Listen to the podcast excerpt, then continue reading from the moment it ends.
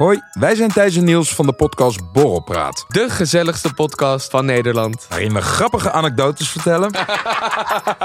Zo nu en dan wat intieme dingen delen. Ik merk wel dat ik het een klein beetje moeilijk vind dat ik als tiran word gezien. En vragen naar spannende geruchten. Is dat nou gebeurd of niet? Ja, Want Ilias en ik hebben ja. niks gezien. En dat allemaal onder het genot van een borreltje. Oké, nog één biertje dan? Dus schenk jezelf ook maar een drankje in. En luister elke woensdag naar Borrelpraat. Ik krijg nu al dubbele tong.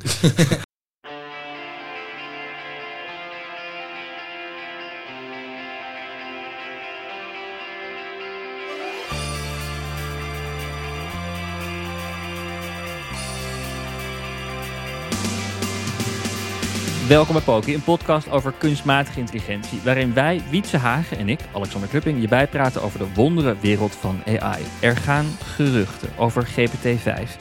We bespreken die geruchten. Wat is nu de cutting edge van alle taalmodellen? Niet alleen van OpenAI, maar ook wat er bij Google gebeurt en bij andere bedrijven.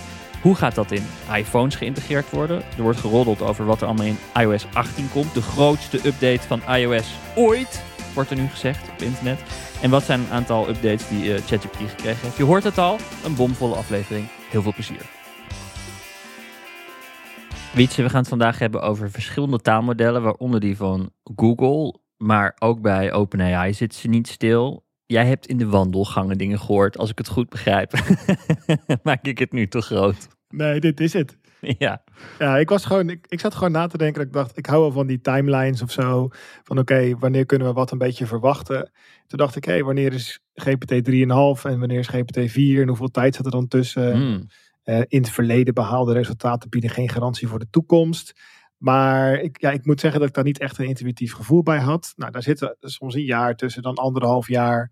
En eh, waar ik eigenlijk naar op zoek was naar, was waar blijft GPT-5 of waar Mhm. blijft GPT 4,5? Ehm en ik heb begrepen, wat ik bij elkaar heb kunnen rapen, dat het trainen van GPT-5 begonnen is. Ehm, ja, voor de luisteraar, dat trainen, daar hebben we het wel eens eerder over gehad. Dat is gewoon super zwaar. Wanneer jij iets intypt in ChatGPT, is dat zwaar. Maar dan, is er, dan, is dat, eh, dan wordt dat berekend op basis van een model wat al getraind is. En dat trainen zelf is ook heel zwaar. En dat gaat echt over maanden. Ehm, en je wil dus ook dat dat niet verkeerd gaat. Dus ik, zat ook wel een beetje te lezen van, met mijn beperkte programmeerkennis van, wat dan als je op een gegeven moment na 2,5 maand ergens ziet staan, eh, disk run out of memory. Eh, ja, op eh, 89% gaat die run mis, zeg maar. Moet je dan opnieuw beginnen. Maar gelukkig werkt het allemaal eh, niet, zo, niet zo eenvoudig. Wat ze inmiddels kunnen doen is eh, ja, een soort snapshots maken. Dus eh, het wordt zo'n zo'n zo'n grote major release van 4 naar 5 eh, is natuurlijk, weet je wat we ook, is ook een stukje marketing. Je zet eigenlijk gewoon ergens een, een stip op de horizon en dan kan je ook aan, dat is voor de media lekker. Iedereen heeft een, een kader. Dit is versie 5. Maar ehm, in essentie is het zo dat er allerlei stapjes tussen zitten. Dus dat we waarschijnlijk ook, en dat is eh, vorige week ook al gebeurd met de release van een nieuwe GPT-4 Turbo. Een tussenrelease eigenlijk met een iets hoger versienummer. eh, die iets, ietsje sneller is. Is dat we incrementele updates gaan zien. Maar er komt zeer zeker wel echt een eh, eh, major release van een nieuwe eh, GPT-model uit. En dat wordt GPT-5. In ieder geval zo wordt eh, genoemd in de wandelgangen. En het idee daarvan is dat het niet alleen maar gaat om meer data of ehm, dat het allemaal groter moet zijn of zo, of op zwaardere machines ehm, gaat draaien. Dat is wel onderdeel daarvan, maar eh, best wel wat innovaties die inmiddels zijn eh, gebeurd binnen OpenAI, maar ook daarbuiten in het hele wetenschappelijk veld van ehm, ja, eigenlijk taalmodellen, eh, komen daarin terug. Dus het is niet alleen maar een nieuwe versie die, die een grotere dataset gebruikt heeft, maar en, en enkel een groter model wordt. Maar er wordt uiteindelijk ook wat innovaties ingestopt. En waarom is het nou allemaal zo belangrijk? Is omdat, kijk, waar ik een beetje naar heb lopen zoeken is hoe groot wordt die verandering? Hè? Want die tussen 3,5 en 4 was voor ons als, als eindgebruiker best wel spectaculair. Ik vind nog steeds, nog steeds dagelijks zeg ik tegen mensen, als, ChatGP als je ChatGPT test, betaal één maand, Ja. Je praten met ChatGPT 4 en vorm dan je mening. Anders klopt je mening gewoon niet helemaal. Niet voor wat er nu state of the art is waar wij bij kunnen. Nou, ehm, in de tussentijd is er van alles uitgevonden. We hebben het een aantal afleveringen geleden gehad over logica en middelbare schoolwiskunde. En dat een eh, taalmodel ook stappen moet gaan uitleggen. eh, hoe ze tot een conclusie zijn gekomen ehm, binnen dat taalmodel. En al dit soort ja, zaken op innovaties op verschillende vlakken gaan allemaal verwerkt worden in dat nieuwe GPT-5. Dus het wordt echt wel een grotere versie. Wanneer moet dat nou een beetje uitkomen? Ze zijn nog een maand of twee, drie aan het trainen. Dan moet er nog een heel red team overheen. Dus dat is een team die eigenlijk early access krijgt tot het model en alvast de scherpe randjes eraf gaat halen. Dus het heeft te maken met prompt hijacken. Maar ook ja, de guardrails die OpenAI er graag op heeft. Daar kan je het mee eens zijn of niet. Maar goed, ze zijn een bedrijf, dat mogen ze zelf weten. En dan, dat duurt ook nog een aantal maanden. En dat is helemaal, um, hoe zeg je dat, roddel is dat er waarschijnlijk een kans is dat het na de verkiezingen pas uh, gaat gebeuren. Hmm. Omdat dan GPT-5 ook niet echt de schuld kan gaan krijgen of zo. Of ingezet kan gaan worden. hebben we dus over. Ja, Amerikaanse verkiezingen, sorry. Ja, Amerikaanse verkiezingen binnen de Amerikaanse context. Dus al met al, eind van dit jaar. Um, ja, of eigenlijk op korte termijn al iets van een soort beta tussending of een 4,5. Um, ehm, dus ik ben eigenlijk wel benieuwd. Het is, het is een beetje een, een, een laf antwoord, maar het gaat wel wat langer duren dan ik eigenlijk dacht. Ik dacht dat ChatGPT 5 komt wel met een maand of drie, vier. Ik weet niet. Nu je een soort van ballpark van wat het zou kosten om dit te trainen, dit model, GPT-5. Oeh. Ja, hier zijn wel heel veel cijfers over bekend van uh, 3 en 4. Het gaat echt wel om 70 miljoen of zo volgens mij om zo'n run te draaien. Om even in de orde van grootte. Het gaat echt om uh, tientallen miljoenen uh, aan compute. Het is wel zo dus dat je in de tussentijd snapshots maakt ik hoorde het vergeleken worden met game saves voor de gamers onder ons. Dat je aan het gamen bent, doe je even een save en dan ga je weer verder. Checkpoints, zeg maar. Hmm. En op die manier kan je ook zeggen van nou, ik ga op de helft alvast een checkpoint doen. En daar kan, daar kan je dan eigenlijk al wat mee. Dat is ook wat wij terugkregen toen we uh, praten over geitje. Hè, dat je een zo'n Mistral model pakt en die ga je doortrainen eigenlijk. Je kan zo'n model gewoon, uh, ja dat staat niet in steen daarna, daar kan je op door. Dus je kan op de helft al kijken hoe ver je bent. Ja. Dat vind ik wel fascinerend. Cloud 3 trouwens van Anthropic. Uh, ook ergens eind van het jaar. Uh, Lama 3 eind van het jaar. Dus het is wel leuk hoor, moet ik zeggen. Qua, ik zie wel een soort paardenrace voor me nu. Ja, we gaan allemaal grote releases krijgen. En er worden nu tientallen, maar waarschijnlijk eerder richting de honderden miljoenen, misschien wel miljarden uitgegeven om die, om die databases te trainen. Want tot nu toe zijn we niet uitge.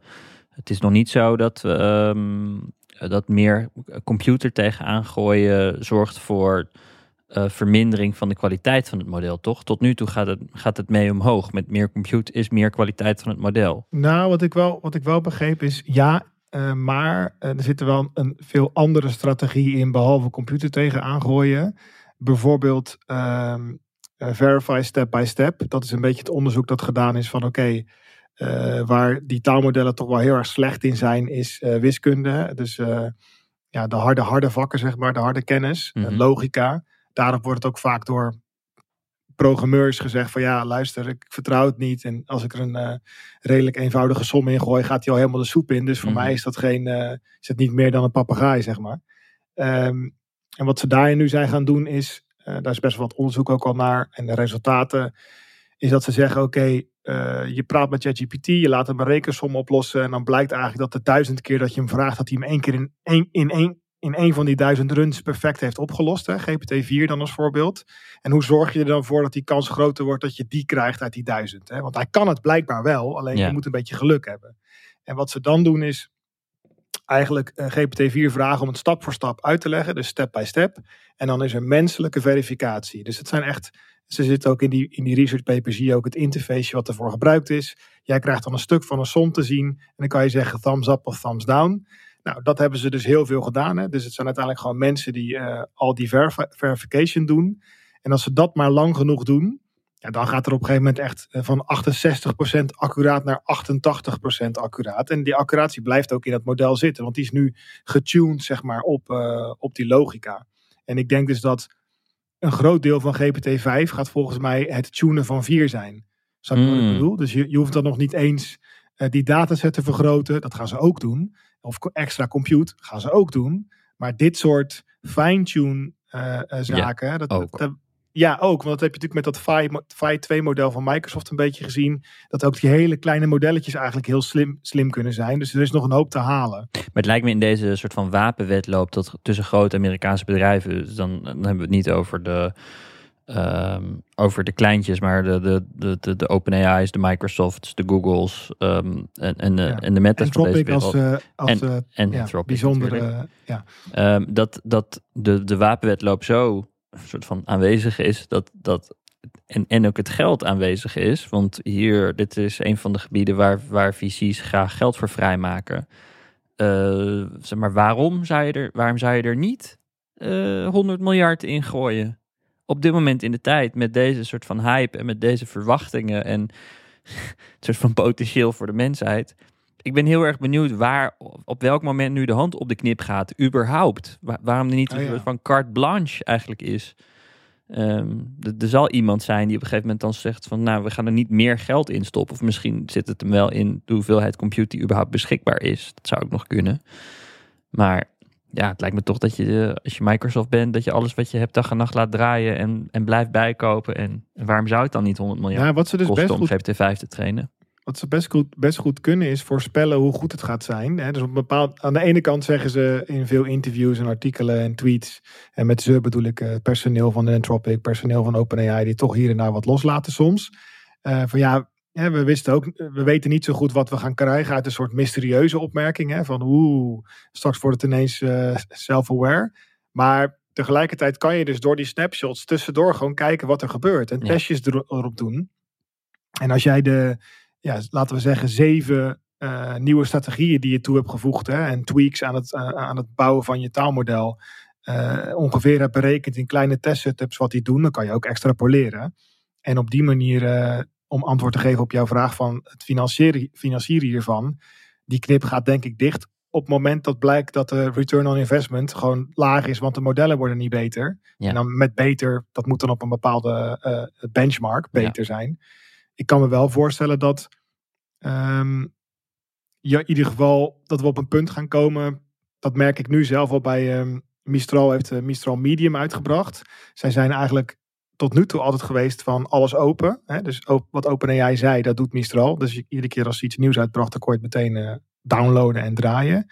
Mistral Medium nog niet. Daar hebben ze nu ook een API uh, betaald voor gezet. Dus ze zijn toch een beetje een hybride dingetje aan het bouwen, heb ik nu het idee. Maar goed, als ik Mistral Medium test, uh, dan merk ik al van, oh wauw, dit is echt gewoon een GPT 3,5 uh, door een Franse partij. Uh, wat grappig dat het hun al gelukt is om zover te komen. Ja. En ik, ik merk dan als iemand die dit inzet, uh, binnen verschillende stukjes software die ik maak, van ja, er is eigenlijk genoeg voor heel veel dingen die ik ja, doe. Ja, dus in dat opzicht zit ook een beetje antwoord op jouw vraag van ja, wat hebben we nodig? Hè? Ja, soms heb je maar een heel klein autootje nodig om boodschappen te doen. Dan vind ik het prima. Weet je? Dus ja, dan, dus ergens gaat het denk ik. Ja, dan, uiteindelijk moet je natuurlijk ook. Dat is in het geval van investeren. Mag dat heel laat pas bewezen worden. Hè? Er mag eerst gewoon heel veel geld tegenaan. En dan zien we wel wanneer er een keer geld komt. Uh, lees Uber. Maar uiteindelijk is het wel belangrijk dat, dat wat je daar traint, dat zo'n model, dat dat waarde heeft. En dat mensen daar een maandbedrag voor willen. Uh, maar er is op dit moment geen signaal waaruit blijkt dat we op een bepaalde manier een, een top hebben bereikt, toch? Even voor, ja. de, voor, de, voor, de, voor, de, voor de zekerheid vraag ik dit even. Zijn, zijn daar iets van signalen van die, die suggereren dat die soort van hockey Nou, ik denk dat die, zeg maar, zo'n piek taalmodel. Uh, dus ik, ik denk dat we wel er tegenaan aan het lopen zijn uh, dat veel meer data er tegenaan gooien niet per se helpt. Hè, op een soort brute force manier. Maar uh, wat, wat er nog allemaal aan uh, trucjes gedaan kan worden om achteraf te fine-tunen. Uh, de manier waarop je traint te verbeteren. Uh, efficiënter om te gaan met compute resources. Taalmodellen te maken die heel erg expert zijn op een bepaald deel. Taalmodellen die multimodaal zijn, hè? dus die kunnen geluid en beeld uh, verwerken. Taalmodellen die met elkaar samenwerken in een taalmodelgroep, als een soort ensemble. Mhm. Er is nog zo ontzettend veel ruimte in dat opzicht, dat een keer tien of zo van dit, wow, maar een keer twee of een keer drie van wat we nu, waar wij nu, wat we nu al gewend zijn aan uh, dit soort dingen, zie ik echt nog wel gebeuren.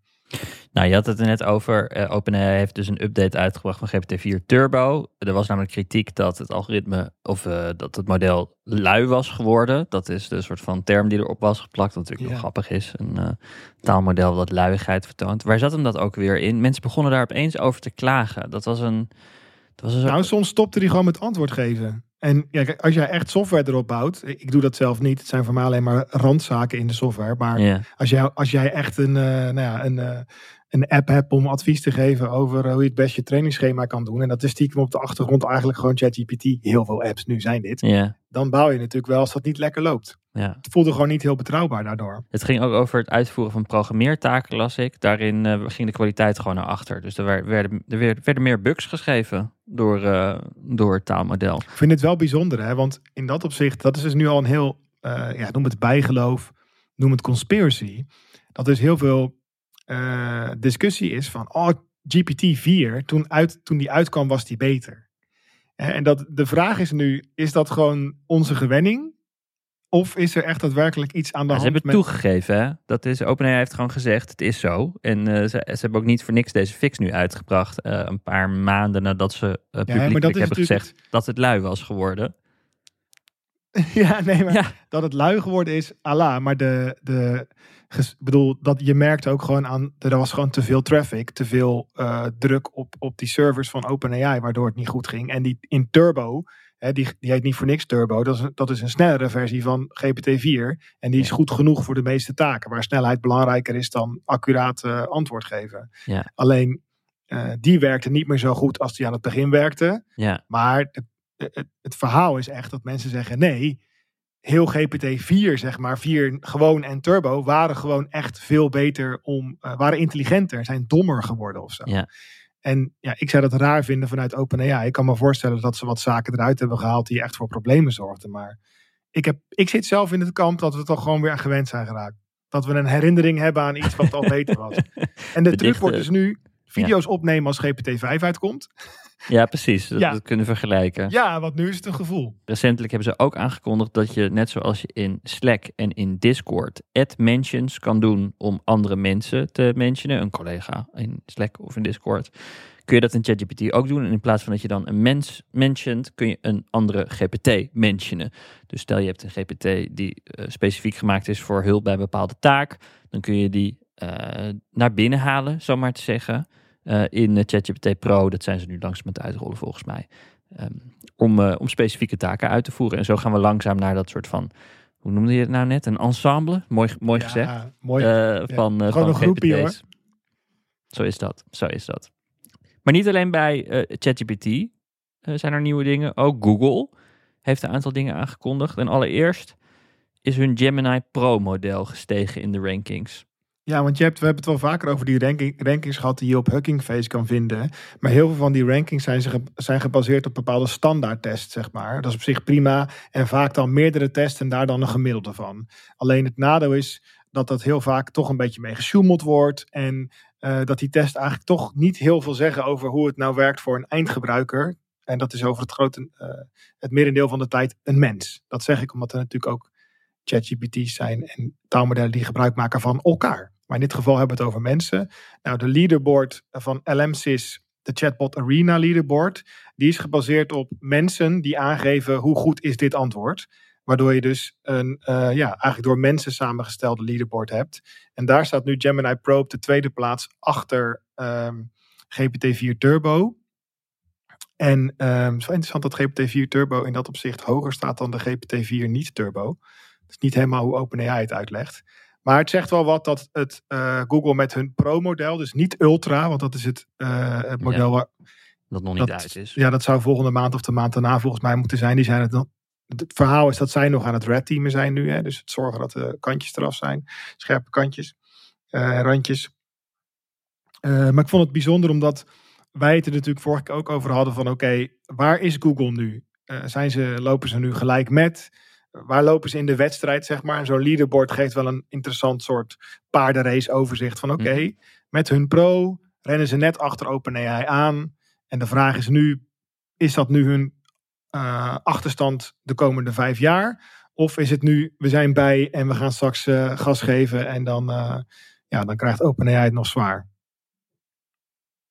Moeilijk te zeggen. Dat gaat een beetje liggen, denk ik, aan wat er voor het eind van het jaar weer uit Google komt. Of dat dat weer anderhalf jaar gaat duren. Verder gaan Google en Hugging Face samenwerken. Ja, Hugging Face is eigenlijk de GitHub van, van taalmodellen. Ehm, het is gewoon een commerciële organisatie. Het voelt allemaal heel erg indie en Ehm, non-profit. In ieder geval, zo kwam het op mij over. Maar Hugging Face is gewoon een bedrijf. Dat geeft op zich helemaal niets, want daardoor kunnen ze de lampen aanhouden. Maar uh, zij zijn nu wel echt een uh, heel belangrijk speel in het web geworden rondom eigenlijk alles wat wij hier bespreken. En niet alleen taalmodellen, maar ook andere generatieve modellen en eigenlijk machine learning en AI in het algemeen. En voor Google dus een interessante om, ja, cynisch zou je kunnen zeggen, ligt eraan hoe je daarover denkt. Maar eerste stap naar overname hè, door Google. Net als dat Microsoft best wel diep in OpenAI zit. En ze, hadden heel, ze hebben heel even Sam Altman in dienst gehad. Ik weet niet hoe, hoe lang, maar een paar dagen volgens mij. Een paar uurtjes of zo. Maar ehm, ja, Google is eigenlijk een... Ze noemen het een partnership op, de, op het blog van Hugging Face. En dat gaat heel erg over het uitwisselen van um, ja, leerlessen tussen personeel. Het uitwisselen van compute. Want dat hebben ze natuurlijk nodig bij Hugging Face. Want bij al dit soort partijen is uiteindelijk, uh, net als bij de mining operations van de oude Ethereum miners, de grafische kaarten zijn nog steeds het goud. Uh, maar ik voel zelf ook wel een beetje aan dat Google wel serieus geïnteresseerd is. En ik vind het opvallend, want ik had eigenlijk Microsoft wel verwacht, die toch wel heel erg op dit soort uh, platformovernames zitten altijd, hè, met uh, GitHub, Minecraft en Discord geprobeerd destijds. Dus ik, ja, dat Hugging Face puntje, dat zip ik even aan, omdat we dat is wel iets om in de gaten te houden. Omdat als Hugging Face echt de orde van grootte van GitHub op een bepaalde manier gaat aannemen. Dan is dat best wel een grote move nu. Die eerste, dat eerste voelen aan elkaar van Google en Hugging Face. Ik snap hem. Bij um, ik zit te denken wat, wat we hier als consument nou aan gaan voelen. Hè? Want dit, het feit dat een taalmodel hoger in een ranking komt, dat, dat is dan iets wat we pas later echt als consument gaan merken. En dat Google en Hugging Face gaan samenwerken, gaan we als het goed is voelen in uh, ja, uh, experimentele uh, dingetjes die dan uiteindelijk ons als consumenten bereiken. Maar het viel me ook op dat deze week een aantal dingen uitkwamen, uit, of dat deze, deze week een aantal dingen zijn gemeld waar we als consumenten waarschijnlijk snel iets van gaan merken, of in, in sommige gevallen al wat van merken. Zo heeft Arc, dat is een browser voor ehm, Mac OS, een hele vette vervanger voor Safari. Uh, serieus, als mensen dat niet kennen en ze, zoeken, ze gebruiken macOS en zoeken een browser, dat is wel echt de moeite waard om te proberen. Het is een soort van browser uh, uit, de, uit de toekomst. Echt wel een volgende stap dan uh, na, na Chrome en, in Safari. Is dat jouw dagelijkse... Zeker. Oh ja. zij hebben een mobiele browser ook uitgebracht, al een tijdje geleden voor iOS. Dat was altijd een beetje een soort van simpel ding waar je niet heel veel meer mee kon dan, um, dan met Safari. Maar ze hebben recentelijk een feature toegevoegd die toch wel heel interessant maakt. Nou, allereerst, de user interface is genieten. Het is smooth as butter. Ik heb nog nooit zo'n mooie soort van tab weergave gezien. Maar goed, moet wel heel erg nerd zijn om dat te waarderen. Maar twee, ze hebben een AI-functionaliteit ingemaakt die een soort van grappige spin aan een, uh, aan een soort van ChatGPT-achtige interface geeft, wat we nu inmiddels gewend zijn, is dat je een vraag stelt aan dat ding en dat je een antwoord krijgt die gegenereerd is uh, door een taalmodel. Bij Perplexity is dat dan tekst met allerlei voetnoten. Bij ChatGPT is dat dan uh, ja, gewoon chat als een tekst in een, in een chat-interface. En Arc heeft er best wel een grappige spin aangegeven, die misschien weer een klein soort van nou ja, inzicht geeft in hoe dat gaat zijn straks als AI in software zit die we iedere dag gebruiken. Namelijk, je kan dat ding websites laten maken voor je die alleen maar voor jou op dat moment bestaan. Dus bijvoorbeeld, je stelt een vraag over iets feitelijks. Dan gaat dat ding uh, een website maken voor jou met het antwoord. Dus dat betekent dat je dat die mooie keurige navigatieblokjes maakt. Voor meer, voor eerst het antwoord natuurlijk. En daarna meer context bij het antwoord. Daarna misschien een beetje zoals we van Wikipedia gewend zijn. Je zoekt, weet ik veel, je zoekt naar Amsterdam op Wikipedia. En dan krijg je eerst de historie van Amsterdam. En dan krijg je, weet ik veel, een lijstje met alle burgemeesters of wat dan ook. Zo maakt hij een encyclopedische pagina. En datzelfde doet hij dus met zoekresultaten. En dat betekent dus dat je kan vragen naar, uh, weet ik veel, hoe moet, je, hoe moet ik een bepaald recept maken? Weet ik veel, pasta bolognese maken. En dan gaat hij dus allemaal gaat hij zoeken op internet. Dan gaat hij bedenken, nou, dit zijn alle bronnen waarop staat hoe je een pasta bolognese moet maken. En dan maakt hij dus een uh, soort van overzicht met ingrediënten, stappen. En dat heeft weer een andere interface dan als je vraagt naar een uh, soort van feitelijk, een antwoord op een feitelijke vraag. Dus het idee dat een browser pagina's voor je maakt, vind ik echt wel spacend. En uh, dat Zeker, want het, het doet me ook denken, want je had het over Perplexity in eerdere afleveringen, hè, die ook al een, aan het experimenteren is met een veel visueler antwoord geven dan blokken met teksten die een soort van binnenkomen regenen in je, in je scherm. Um, en hier, en die, die pagina die dan voor je gemaakt wordt, het is natuurlijk logisch, want logisch als in, dit is, ik heb hier helemaal niet over nagedacht dat dit kan. En, maar nu ik het hoor, denk ik, ja, best wel logisch dat je dat ook op een browserniveau doet. Uh, die pagina die dan voor jou gemaakt wordt, die kan je bewaren of zelfs delen? Of wat, hoe werkt dat dan? Weet ik eigenlijk niet. Het idee is vooral dat het een, een betere interface is voor als jij vragen hebt waarbij je weet dat het antwoord op het internet staat. Zeg maar wat we vroeger googlen noemden. Het is wel interessant hè, want ik zit er dus ook zelf lang, lang geleden. Toen, uh, toen ik een, uh, was ik op reis, had ik echt een shitty internetverbinding. Maar echt gewoon een E, zeg maar, Edge. En uh, toen had ik op een gegeven moment, toen was ik daar, toen dacht ik, oh shit. Voordat ik wegging had ik echt iets van een soort mini browser moeten installeren. Opera heeft het een tijdje gemaakt, het heet Opera Mini. Die deed dan het renderen van de pagina op de server van Opera. Mm. Qua privacy wil je dit niet, maar qua performance wel. En dan stuurde die als het ware een uh, heel laag kwaliteit JPG'tje naar je door. Van die render, zeg maar. Of zelfs, en dan alleen de tekst niet. Dus dat was de tekst toch scherp en de achtergrond een soort van blurry. Maar daardoor had je een heel dun lijntje, kon je toch op internetten. Maar een andere oplossing, die heb ik toen al gebruikt volgens mij, was het Telegram bots. En dan heb je Telegram bots die een pagina pakken en dat omzetten in tekst, waardoor je kan chatten met het internet als het ware. Dit is hm. allemaal voor taalmodellen die wij konden gebruiken. Dit was gewoon domweg een browser in de vorm van tekst in een, in een instant messaging app à la Telegram. Maar ik heb gemerkt dat ik eh, want ik vond het altijd wel ook, een, ook wel lekker of zo. Dat je, het, dat je het hele internet in een soort reader mode leest. Het liefst in plain text bedoel, je denkt dat adblockers nice zijn. Wacht maar tot alles er exact hetzelfde uitziet, zeg maar. Maar dat, dat alles er hetzelfde uitzag, zorgde er ook voor dat het heel erg voelde alsof je zo'n soort Bloomberg-terminal aan het lezen was. Want er is geen sfeer, zeg maar. Er zijn niet eens plaatjes. Ja. En wat jij nu eigenlijk beschrijft, en dat is, dat is dus voor de eindgebruiker, zit ik nu te denken, heel mooi, fascinerend. Want je zou maar een soort one format fits all uh, rijkere versie hebben van die terminal. Hè? Dus ik bedoel, de dataverbruik is laag en dat is ook op een dikke verbinding nice, want dan komt dingen snel binnen.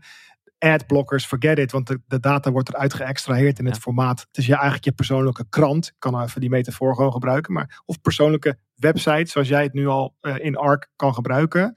En dan, uh, dus waarom zeg ik voor de eindgebruiker is dit nice? Want ik kan helemaal bedenken hoe, noem, uh, het is eigenlijk een soort Apple News slash wink wink Blendel. Want, maar dan met de technologieën van nu. Hè? Dus we kunnen echt gepersonificeerd, grafisch aantrekkelijk, leeg gefilterd van troep.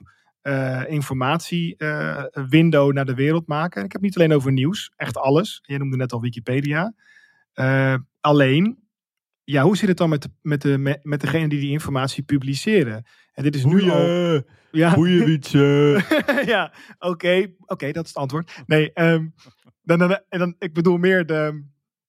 Wat je nu al merkt is dat uh, Google met Bart en uh, die, ja, die, ik heb wel eens het idee dat ze het soort van later inbouwen in Google ook met het idee van ja, maar OpenAI heeft het gedaan, dus geef ons niet de schuld. Maar dat jij tegen in dezelfde Google zoekbox zegt ik wil een uh, recept pasta bolognese en dan dat je gewoon het recept gewoon krijgt in mm. Google en mm. nooit meer naar Smulweb gaat of Receptenweb of noem ze maar op. Die wel de originele bron waren ooit. Nou, dit, dit, wat ik je nu vertel is in de mediawereld al lang geland. Uh, want daar is al een soort van stress over. Want ja, wat als jullie nooit meer doorklikken naar onze website waar, waarop we al die advertenties hebben verkocht, zeg mhm. maar. Maar wat jij nu beschrijft gaat, gaat, gaat eigenlijk nog een stap verder. Of is een logische evolutie van. Ja, we gaan het niet meer op google.com doen, die het daar weer in tekst met twee plaatjes van pasta gaat tonen. Mm dit wordt gewoon een persoonlijke site die past bij hoe jij consumeert. Ja. Uh, wat voelt als een uh, boek van Jamie Oliver. Ja. Met HD-foto's erbij gemaakt door uh, Dali. Mm -hmm. Ja. Arme smulweb. I know, ripsmilweb. Nou, uh, iOS 18, daar gaan geruchten over. Volgens mij is dat van Jumbo tegenwoordig overigens. Oh. En ik weet trouwens ook dat Jumbo, ik heb het hun wel eens op een congres zien vertellen. Die hadden dus Smilweb gekocht en toen wilden ze dat in Jumbo.nl integreren. Maar het probleem was dat ze van heel veel plaatjes van recept op Smilweb hadden ze geen foto's. Dus toen hebben ze met Midjourney, als ik het me goed herinner, hebben ze dus gewoon recepten erin gegooid in Midjourney en gezegd: maak hier een foto van. Dat zijn de foto's die je nu kan oh, zien op jumbo.nl. Dat is van recepten. lui ook hoor. Maar Grappig toch? Ja, lui, kom op zeg, is toch gaaf. dit is lui. Ja, maar wat wil je anders? Als jij geen medelijden hebt met Smulweb, vind ik dit lui. Moet je allemaal koken en dan moet je daar foto's van maken in een studio. Wat een omslachtig gedoe man. Ik denk wel, gewoon Jij won de iOS 18, hè? Maar ik, ben, ik, ik, ik ga niet je helemaal bevragen over boeien met die uitgevers. Ik zit nu te denken, want dat, dat vind ik gewoon grappig. Ik zit, ik zit te denken. Uh, kijk, stel dat jij een uh, garage bent, een fysieke garage. En een AI. Uh, jij, die hele site van jouw garage wordt niet meer bezocht. Ja. Maar, je, maar jouw garage nog wel. Er komt een keer een auto aanrijden. Ik bedoel, die auto wordt misschien gebracht met een robot, maar laten we er even vanuit gaan. ik, ik heb Arc browser. En dan zeg ik, mijn auto is stuk, regel het voor me. Die maakt een pagina voor me waar ik op knopjes kan drukken. In de agenda misschien, of synct hem, whatever. Zeker. En dan, maar uiteindelijk, die, kijk, die garagehouder zegt dan, ja, boeien dat je nooit op mijn website bent geweest. Die hele website was om jou naar mijn garage te krijgen. Dus die, die partijen. Hè, ja, dat is niet zo van de hand. Ja, precies. Voor, eigenlijk voor iedere partij waarbij de website ook maar weer een middel is om te komen tot uiteindelijke ja. deal, verkoop. Nou, hooguit dat het voor die partij vervelend is dat er weer een andere middelman tussen komt. Dus nu is de middelman Google, waarbij je moet in veilingen moet meedoen om in AdWords omhoog te bieden, namelijk naar auto wegslepen Almere. Ehm, en uh, nu wordt dat dan ARC of wie dan ook. En, maar op het browserniveau zou dat kunnen, kunnen zijn. Er zit er weer een andere middelman tussen die, uh, uiteindelijk komen ze op jouw site. Weet je, als dat gebeurt is het fijn. Maar dus om even de vraag wie dat controleert uh, dat je op jouw begin, site terechtkomt. Het begint nu eindelijk bij mij pas te landen. Want ik snapte eigenlijk al die browser startups niet zo goed. Er zijn er best wel veel namelijk. En iedere keer dacht ik, dat moet je niet proberen man. Je moet nu niet gaan proberen om... Maar nu ja, als die browser zoiets anders kan worden in potentie. Ja, dan is Arc misschien wel een bedrijf. Ja, I know. Ik, ik denk weer eerlijk gezegd dat dit pas is gaan dagen bij hun toen ze het bedrijf al begonnen hadden hoor. Maar gewoon, soms dan is het leven gewoon goede timing hebben, toch? Ja. Nou, dat is prima. Maar moet je betalen voor ARC? Nee, nog niet. Maar dat gaat ongetwijfeld niet lang duren. Um, of ze gaan dus inderdaad zorgen dat uh, die, die auto die garagisten tussen die garagisten en jou komen. En dan kan die garagist ja. afrekenen bij ARC iOS 18 wordt waarschijnlijk onthuld tijdens WWDC in uh, juni. En volgens Mark Gurman van Bloomberg, dat is nog normaal gesproken een goed ingevoerde bron als het gaat om allerlei lek lekkages, wou ik zeggen, bij Apple. dat is in die auto, in die autosferen. Leaks van Apple. Uh, en iOS 18 wordt volgens Mark Gurman gezien als een van de grootste, zo niet de grootste update in de geschiedenis van Apple. En er wordt veel nadruk, gelegd op, de, op ehm, AI. Dus Siri zou in, 2000, of zou in uh, iOS 18 volledig herzien worden. Gebaseerd op een taalmodel vergelijkbaar met ChatGPT. En het zou beter zijn dan ChatGPT. Al dus Mark Gurman. Ja, god, als ik, bij, als ik bij Apple zou werken, zou eraan werken, zou ik dat ook roepen. Maar goed, dit is dus wat hij uh, door uh, aan het papegaaien is. De berichten-app krijgt AI-functionaliteit, iMessages dus, voor betere en persoonlijke automatische antwoorden. Ja, oké, bit boring. Apple's um, Office apps krijgen AI. En Apple Music zal AI krijgen. Nou, dat laatste, ik weet niet hoe, hoe ze dat voor zich zien. Misschien playlists. Dat, dat spreekt voor Heb jij niet nou, weet je wat ik nu bij mezelf voel? Ik krijg toch weer een beetje die oude iCloud en Apple Ping. En ik, weet je wel, Ping, het sociale netwerk van Apple. Ik krijg toch ik vertel dit even voor de luisteraar. Dit is niet positief wat Wietse nu zegt. nee, ik merk ineens, het bekruipt me zich een heel erg verdrietig gevoel. Waarom? ik denk, Omdat ze het in Pages gaan inbouwen? Nou, ik, kijk, ik vraag me, ik zit sowieso te denken, ik moet even gaan checken hoeveel van die H100 of A100 kaarten Apple eigenlijk gekocht heeft. Want dan snappen we een beetje wat zij aan het doen zijn. Ik heb alweer het gevoel dat ze het gewoon weer bij Microsoft gaan, gaan cloud doen in Azure. Waarschijnlijk, en dat, en dat is niet erg, maar dat, dat betekent dat zij dat bezitten van zo'n AI supercenter niet als een soort core business zien.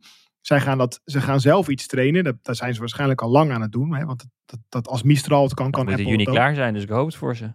ja, ja, er wordt wel iets... ik denk dat er wel iets getraind wordt wat, wat in de buurt komt van wat ze in Frankrijk voor elkaar krijgen. Op een kleiner budget dan dat Apple dat heeft. Ja. Um, dus hè, GPT 3,5, 3,75-achtige kwaliteiten.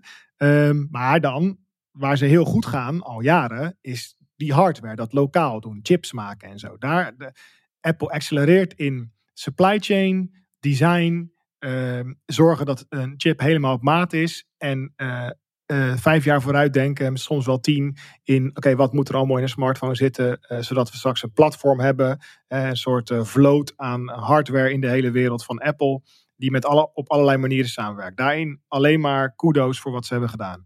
Maar al hun, we gaan proberen data te zinken met elkaar, we gaan een soort social networks opzetten, we gaan proberen met AI muzieklijstjes te maken in iTunes. Dus ik, ik begin ik begin een beetje te twijfelen nu het we hierover hebben. Dat ik denk, ja, gaat het, wat, wat gaan ze eigenlijk doen? Het voelt, het voelt, gaan ze niet gewoon toch maar een soort AI over pages heen sprinkelen en het is hem gewoon Zo niet voelt het wel een beetje. Als je de opzomming leest, dan is het wel een beetje, we pakken alle apps die er al zijn. En Siri, ja god, Siri maken we gewoon nieuw. Nou, dat mag ook wel. Uh, maar die gaat dan gewoon beter kunnen beantwoorden hoe hoog de Eiffeltoren is. En al die andere apps, die, uh, die, die, die, die sprinkelen wat AI overheen. Zo voelt het wel een beetje. Ja, ik kan, dat, uh, ben wel met je eens. Nou, ik denk wel dat als het dan om experience gaat, waar Apple altijd zo lekker op zit, dat um, als, er, als er een partij is, een bedrijf, die een ultra low latency, superhuman-like ja. voice assistant gaat bouwen, die echt grapjes tegen je gaat maken en eigenlijk gewoon Scarlett Johansson uit de film Her, dan is het eigenlijk wel Apple, omdat zij in die hele media, Disney, ervaring, ja. weet je al, dat zij weer heel erg goed begrijpen hoe dat spelletje werkt van het gaat uiteindelijk alleen maar om de ervaring. Ja, nou in die zin is het natuurlijk spannend wat er uit die verbeterde serie gaat komen. Dat kan een, dat kan een headline feature zijn die enorm groot kan zijn. En dan zou die andere dingetjes over AI en berichten app, die berichten, weet je, auto, auto replies voorstelt, lekker boeien, weet je, doe het, doe het lekker. Maar, maar de echte aandacht moet dan gaan naar, um, naar het nieuwe serie. En misschien dat die dan ook uh, dingetjes voor ons kan gaan doen. Dat zou fijn zijn, hè? Dus dat die, uh, dat, dat die daadwerkelijk uh, hele specifieke vragen die je aan het ding stelt, die je normaal gesproken meerdere stappen zouden, uit, zouden zijn als je het zou willen uitvoeren zelf. Dus weet ik veel. Hoe navigeer ik naar huis en maak een tussenstop bij McDonald's op af, op de, niet verder dan, dan 10 minuten rijden vanaf de snelweg. Dat kun je nu niet vragen aan Siri en dat moet hij dan in kaarten-app kunnen gaan openen. Ik, ik kan me zo voorstellen dat daar uh, dat ze daar een. Uh, dat, dat, dat dat dan is wat ze gaan doen. Want wat ga je anders doen dan een vernieuwde serie? Anders dan. Weet je, ze willen iets nieuws aankondigen. Ze willen ook kunnen laten kunnen vertellen aan de buitenwereld hoe, hoe goed ze met AI zijn, opeens. Dan, dan moet je wel iets hebben wat Siri echt significant beter maakt. Anders dan, ja, de stem is wat, wat realistischer of zo. We moeten gewoon ja. overtuigd worden als, als, als wereldbevolking dat dat ding niet meer zo dom als een stroopwafel is. Nou ja, jij hebt het over wereldbevolking. Ik had getwijfeld om dit in te brengen, maar want ik dacht, ik zie niet echt de connectie met ons. Ja, we hebben toch wel een beetje het AI-domein binnen Poki, de podcast over kunstmatige intelligentie. Maar ik zou wel zeggen dat deze podcast over AI gaat, ja. ja of moet je daar toch... nog een redactie, redactieoverleg over voeren? ja, ik ga hem toch ongeforceerd koppelen aan een ander nieuwsitem, want het is door jouw ARC-verhaal. Ik geef jou de schuld. Okay, ben ik nu in de war? Kom Oké. Okay. Um, Apple is gedwongen door de Europese Unie om alternatieve app stores en browsers toe te staan op iOS.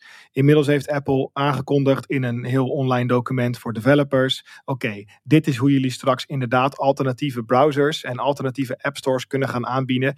Enkel en alleen binnen de Europese Unie. Wat een soort heel ongemakkelijk is, want al die Amerikanen die normaal over technologie schrijven, die zitten nu echt zo van: oké, Europeanen krijgen een soort andere versie van iOS speciaal voor de EU. Noem het de EU-iOS wat betekent dit voor de luisteraar? Um, nu kan je wel Chrome en Firefox installeren op jouw uh, smartphone. Maar stiekem zit daar gewoon nog steeds de Safari Browser Engine WebKit van Apple onder. Dat heeft allerlei redenen, waaronder um, het feit dat die browser engine, omdat die, die, die motor daarvan, zeg maar, om die website snel te laden, die zit heel diep in de hardware, waardoor die ook best wel veel toegang heeft tot stukjes van jouw telefoon die misschien niet toegankelijk zouden moeten zijn via het web. Uh, dus dat is een security hazard. Dit is Apple's excuus geweest om te zeggen: wij willen niet dat Google en Microsoft hun echte eigen browser engines, die helemaal geoptimaliseerd zijn, op onze toestellen gaan draaien. Dus die uh, alternatieve browsers die je tot nu toe hebt kunnen installeren, Firefox, uh, Edge en Chrome op jouw iOS zijn eigenlijk fake. Fake als in, dat zijn schilletjes rond iets wat Apple eronder uiteindelijk allemaal controleert en bezit.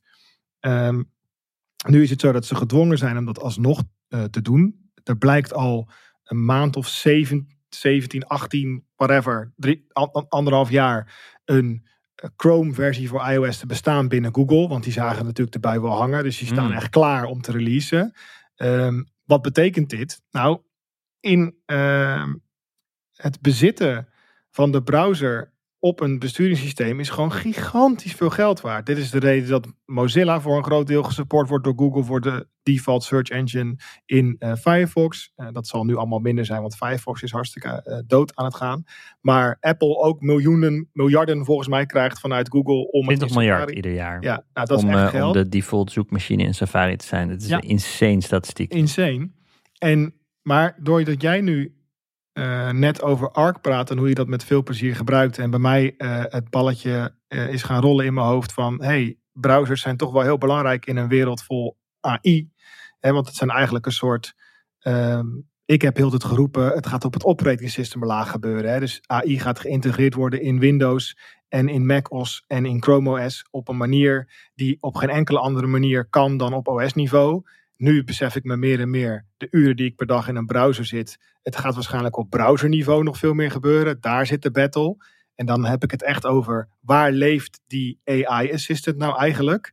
En dan is het desalniettemin nog, nog veel belangrijker voor Google, voor Microsoft, voor Mozilla, whatever die uh, rondom AI aan het doen zijn, ben ik niet helemaal van op de hoogte, om natuurlijk die browser te kunnen ownen op een iOS-device.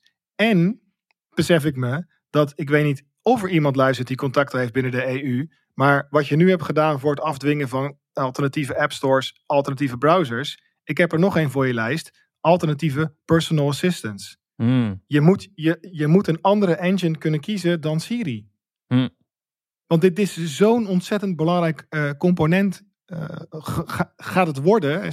Siri wordt nu alleen gebruikt voor de timer zetten, want ik ga aardappels koken. Maar er komt een dag, dan is Siri Snap je wat ik bedoel? En dus ik merk nu ineens, potverdikkie, qua interface, waar wij al een beetje over zitten te fantaseren al die weken, gaat het echt, die battle is, is, echt uh, gaan, aan aan het gaan. Grappig punt.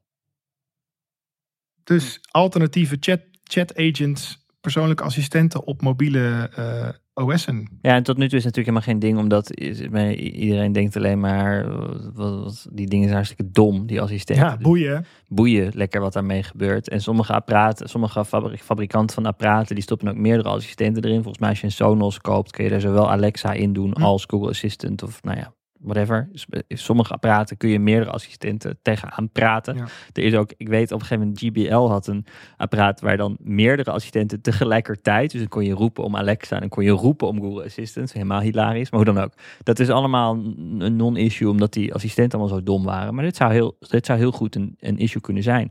Wat ik niet begrijp is, ehm, waarom het zo belangrijk is dat, een, dat Google zijn eigen browser engine eronder zou kunnen eh, hebben en wat dat dan doet met de marktmacht van Google op iOS. Want wat, wat, dat, dat maakt toch niet uit voor de AI-functie erin zitten wat voor uh, browser engine eronder zit?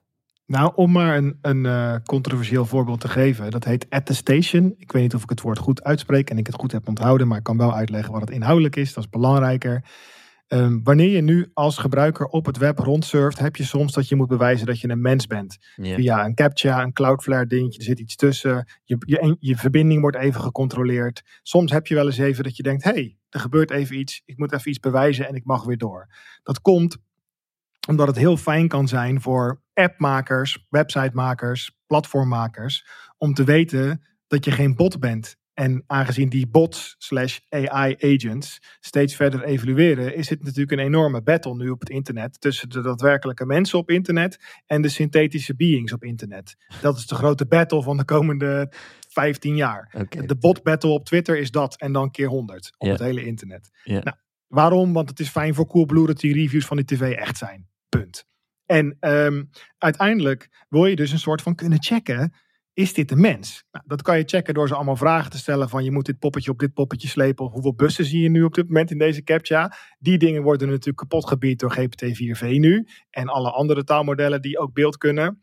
dus die battle lijkt een soort van verloren te gaan nu. Die groei van die intelligentie van de AI van deze tijd is zo krachtig dat het testen op mensen gewoon steeds moeilijker wordt. Een oplossing daarvoor is, en dat was best wel controversieel een aantal maanden geleden, is dat Google ergens ver weg in een GitHub issue of zo, want zij hebben Blink, hun eigen browser engine, een vorkje van WebKit van vroeger, maakt allemaal niet uit. Er zit heel verleden achter, superleuke geschiedenis.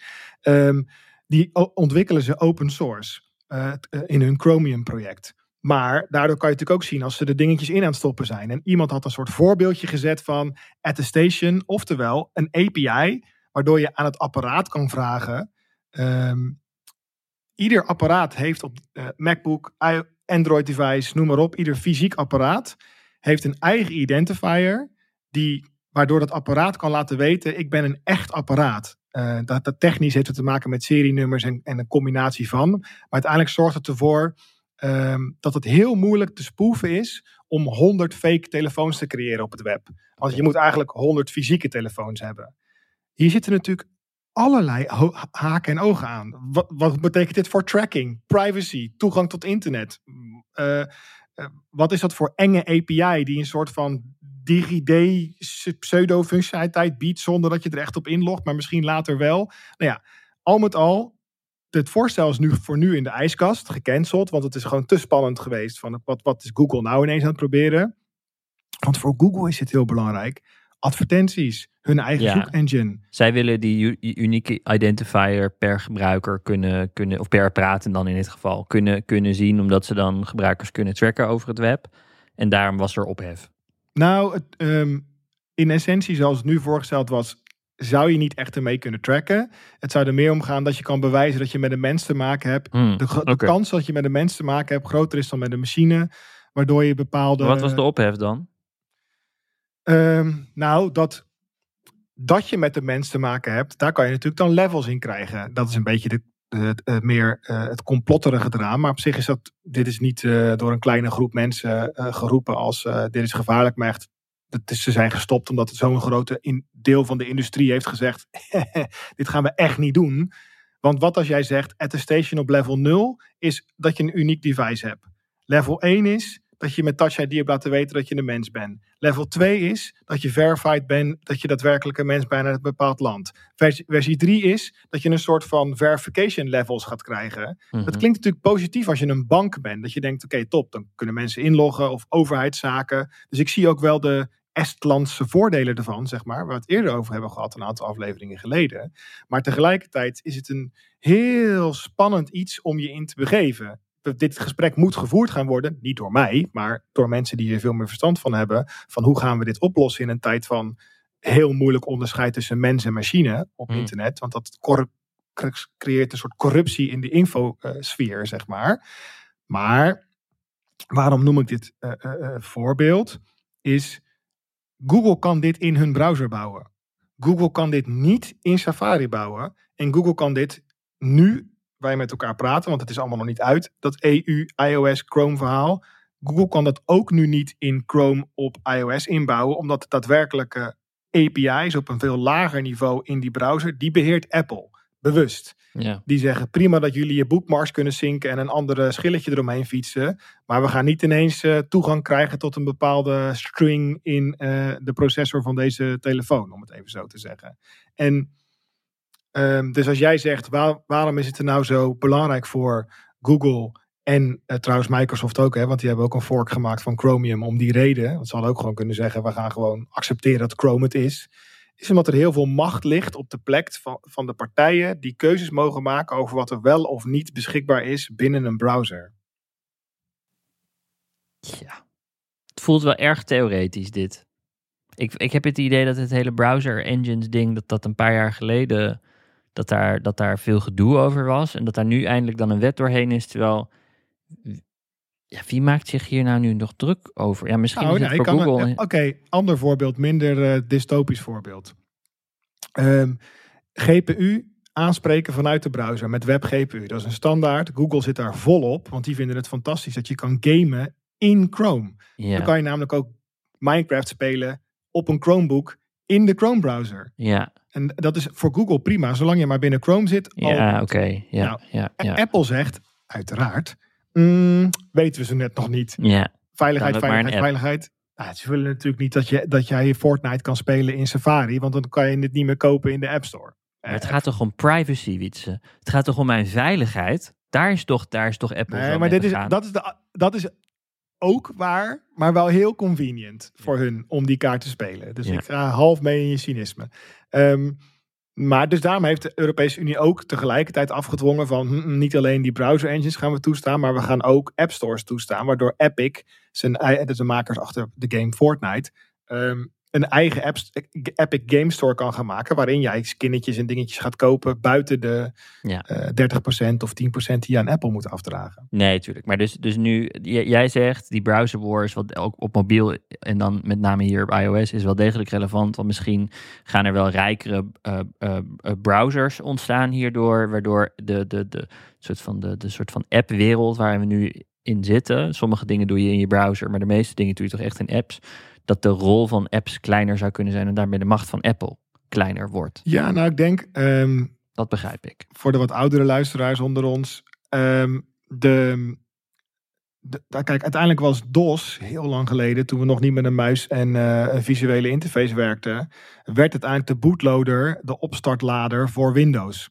Je computer startte op, je zag heel even DOS en dan ging je meteen Windows in en daar speelde het zich allemaal af. Eigenlijk deed het er niet meer zoveel toe. Want de- die, die laag Mhm. eronder is gewoon eh voorbij gejaagd, zeg maar. Nou, Mhm. nu, op het moment dat jij eh, je laptop open doet en inlogt op Windows, macOS eh, of welke Linux distributie dan ook die je draait. Ik hou het even bij desktop voor het gemak van het verhaal. De tijd tussen dat eh, inloggen en het starten van de, van de browser, je gaat waarschijnlijk vrij snel een browser in. Ja.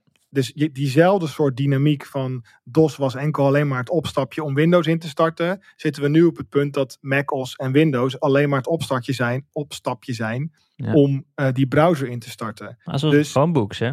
Ja, Chromebooks, gro- alles in de browser. daar heeft Google het al helemaal omarmd om gewoon te zeggen, joh, je, je start toch al meteen Chrome, zullen we gewoon het hele operating system laten Ja. draaien binnen die browser. Ja. En daarom denk ik dat, ehm, en nu met, het, met, het, met die AI-angle erbij van, oké, waar leeft die persoonlijke assistent dan? Kan die je scherm zien? Kan die meelezen in je mails? Hoe komen al die API's samen dan? Dat ik me, ja, nu een beetje tijdens dit gesprek begin te beseffen dat wat ik dacht dat een battle zou worden om operating systems, die eigenlijk al verloren is, want het is of Windows of Mac eigenlijk, en een klein beetje Chrome OS, eh, is, het, is, de, is de battle eigenlijk eh, de browser battle geworden. Ja, en, en, en op, op OS, eh, op, op mobiele OS'en, eh, dus misschien de battle tussen de spraakassistenten. Want als dat een groter deel van ons gebruik gaat worden, die laag nou ja, over al het andere heen, want dat is een spraakassistent, het is niet een app, het zit niet in je browser, het is gewoon, het is alles overheersend. Dat een andere theorie. Hè? Dus je hebt, de, je hebt de theorie van dat het in de browser gaat gebeuren. Dat kan, geloof ik eerlijk gezegd op desktop. Maar ik denk op mobiel, waarin je toch minder bezig, mi- Ja. minder affordances hebt. Ja. Je bent meer bezig met, met gewoon shit gedaan krijgen in plaats van ehm, dat je heel uitgebreid. eh, eh, het is een andere ervaring, een mobiel gebruiken versus een desktop gebruiken. Ik kan me dus voorstellen dat, dat die assistent veel belangrijker gaat zijn. En dat dus informatie die we, die we ja, op ons scherm krijgen, dat dat dan via die assistent gaat komen. En dat de EU zich nu heeft gericht op. Ja, op, op, op ook wel belangrijke plekken waar macht uitgeoefend wordt, namelijk app stores, browsers. Maar is dit, zou dit zomaar eens een gebied kunnen zijn waar we een heel groot deel van de tijd in gaan zitten om nieuws te lezen, om vermaakt te worden, weet je? Ga je, ga je, en, dan, en dan zou het wel echt grappig zijn als eh, de EU Apple zou dwingen om Google Assistant als standaard assistent te hebben. Nou, dan, dan, dan eh, krijgen ze helemaal een, een, een TIA daar in Cupertino. Dat krijgen ze zeker. Ja, nou, hoe dan ook.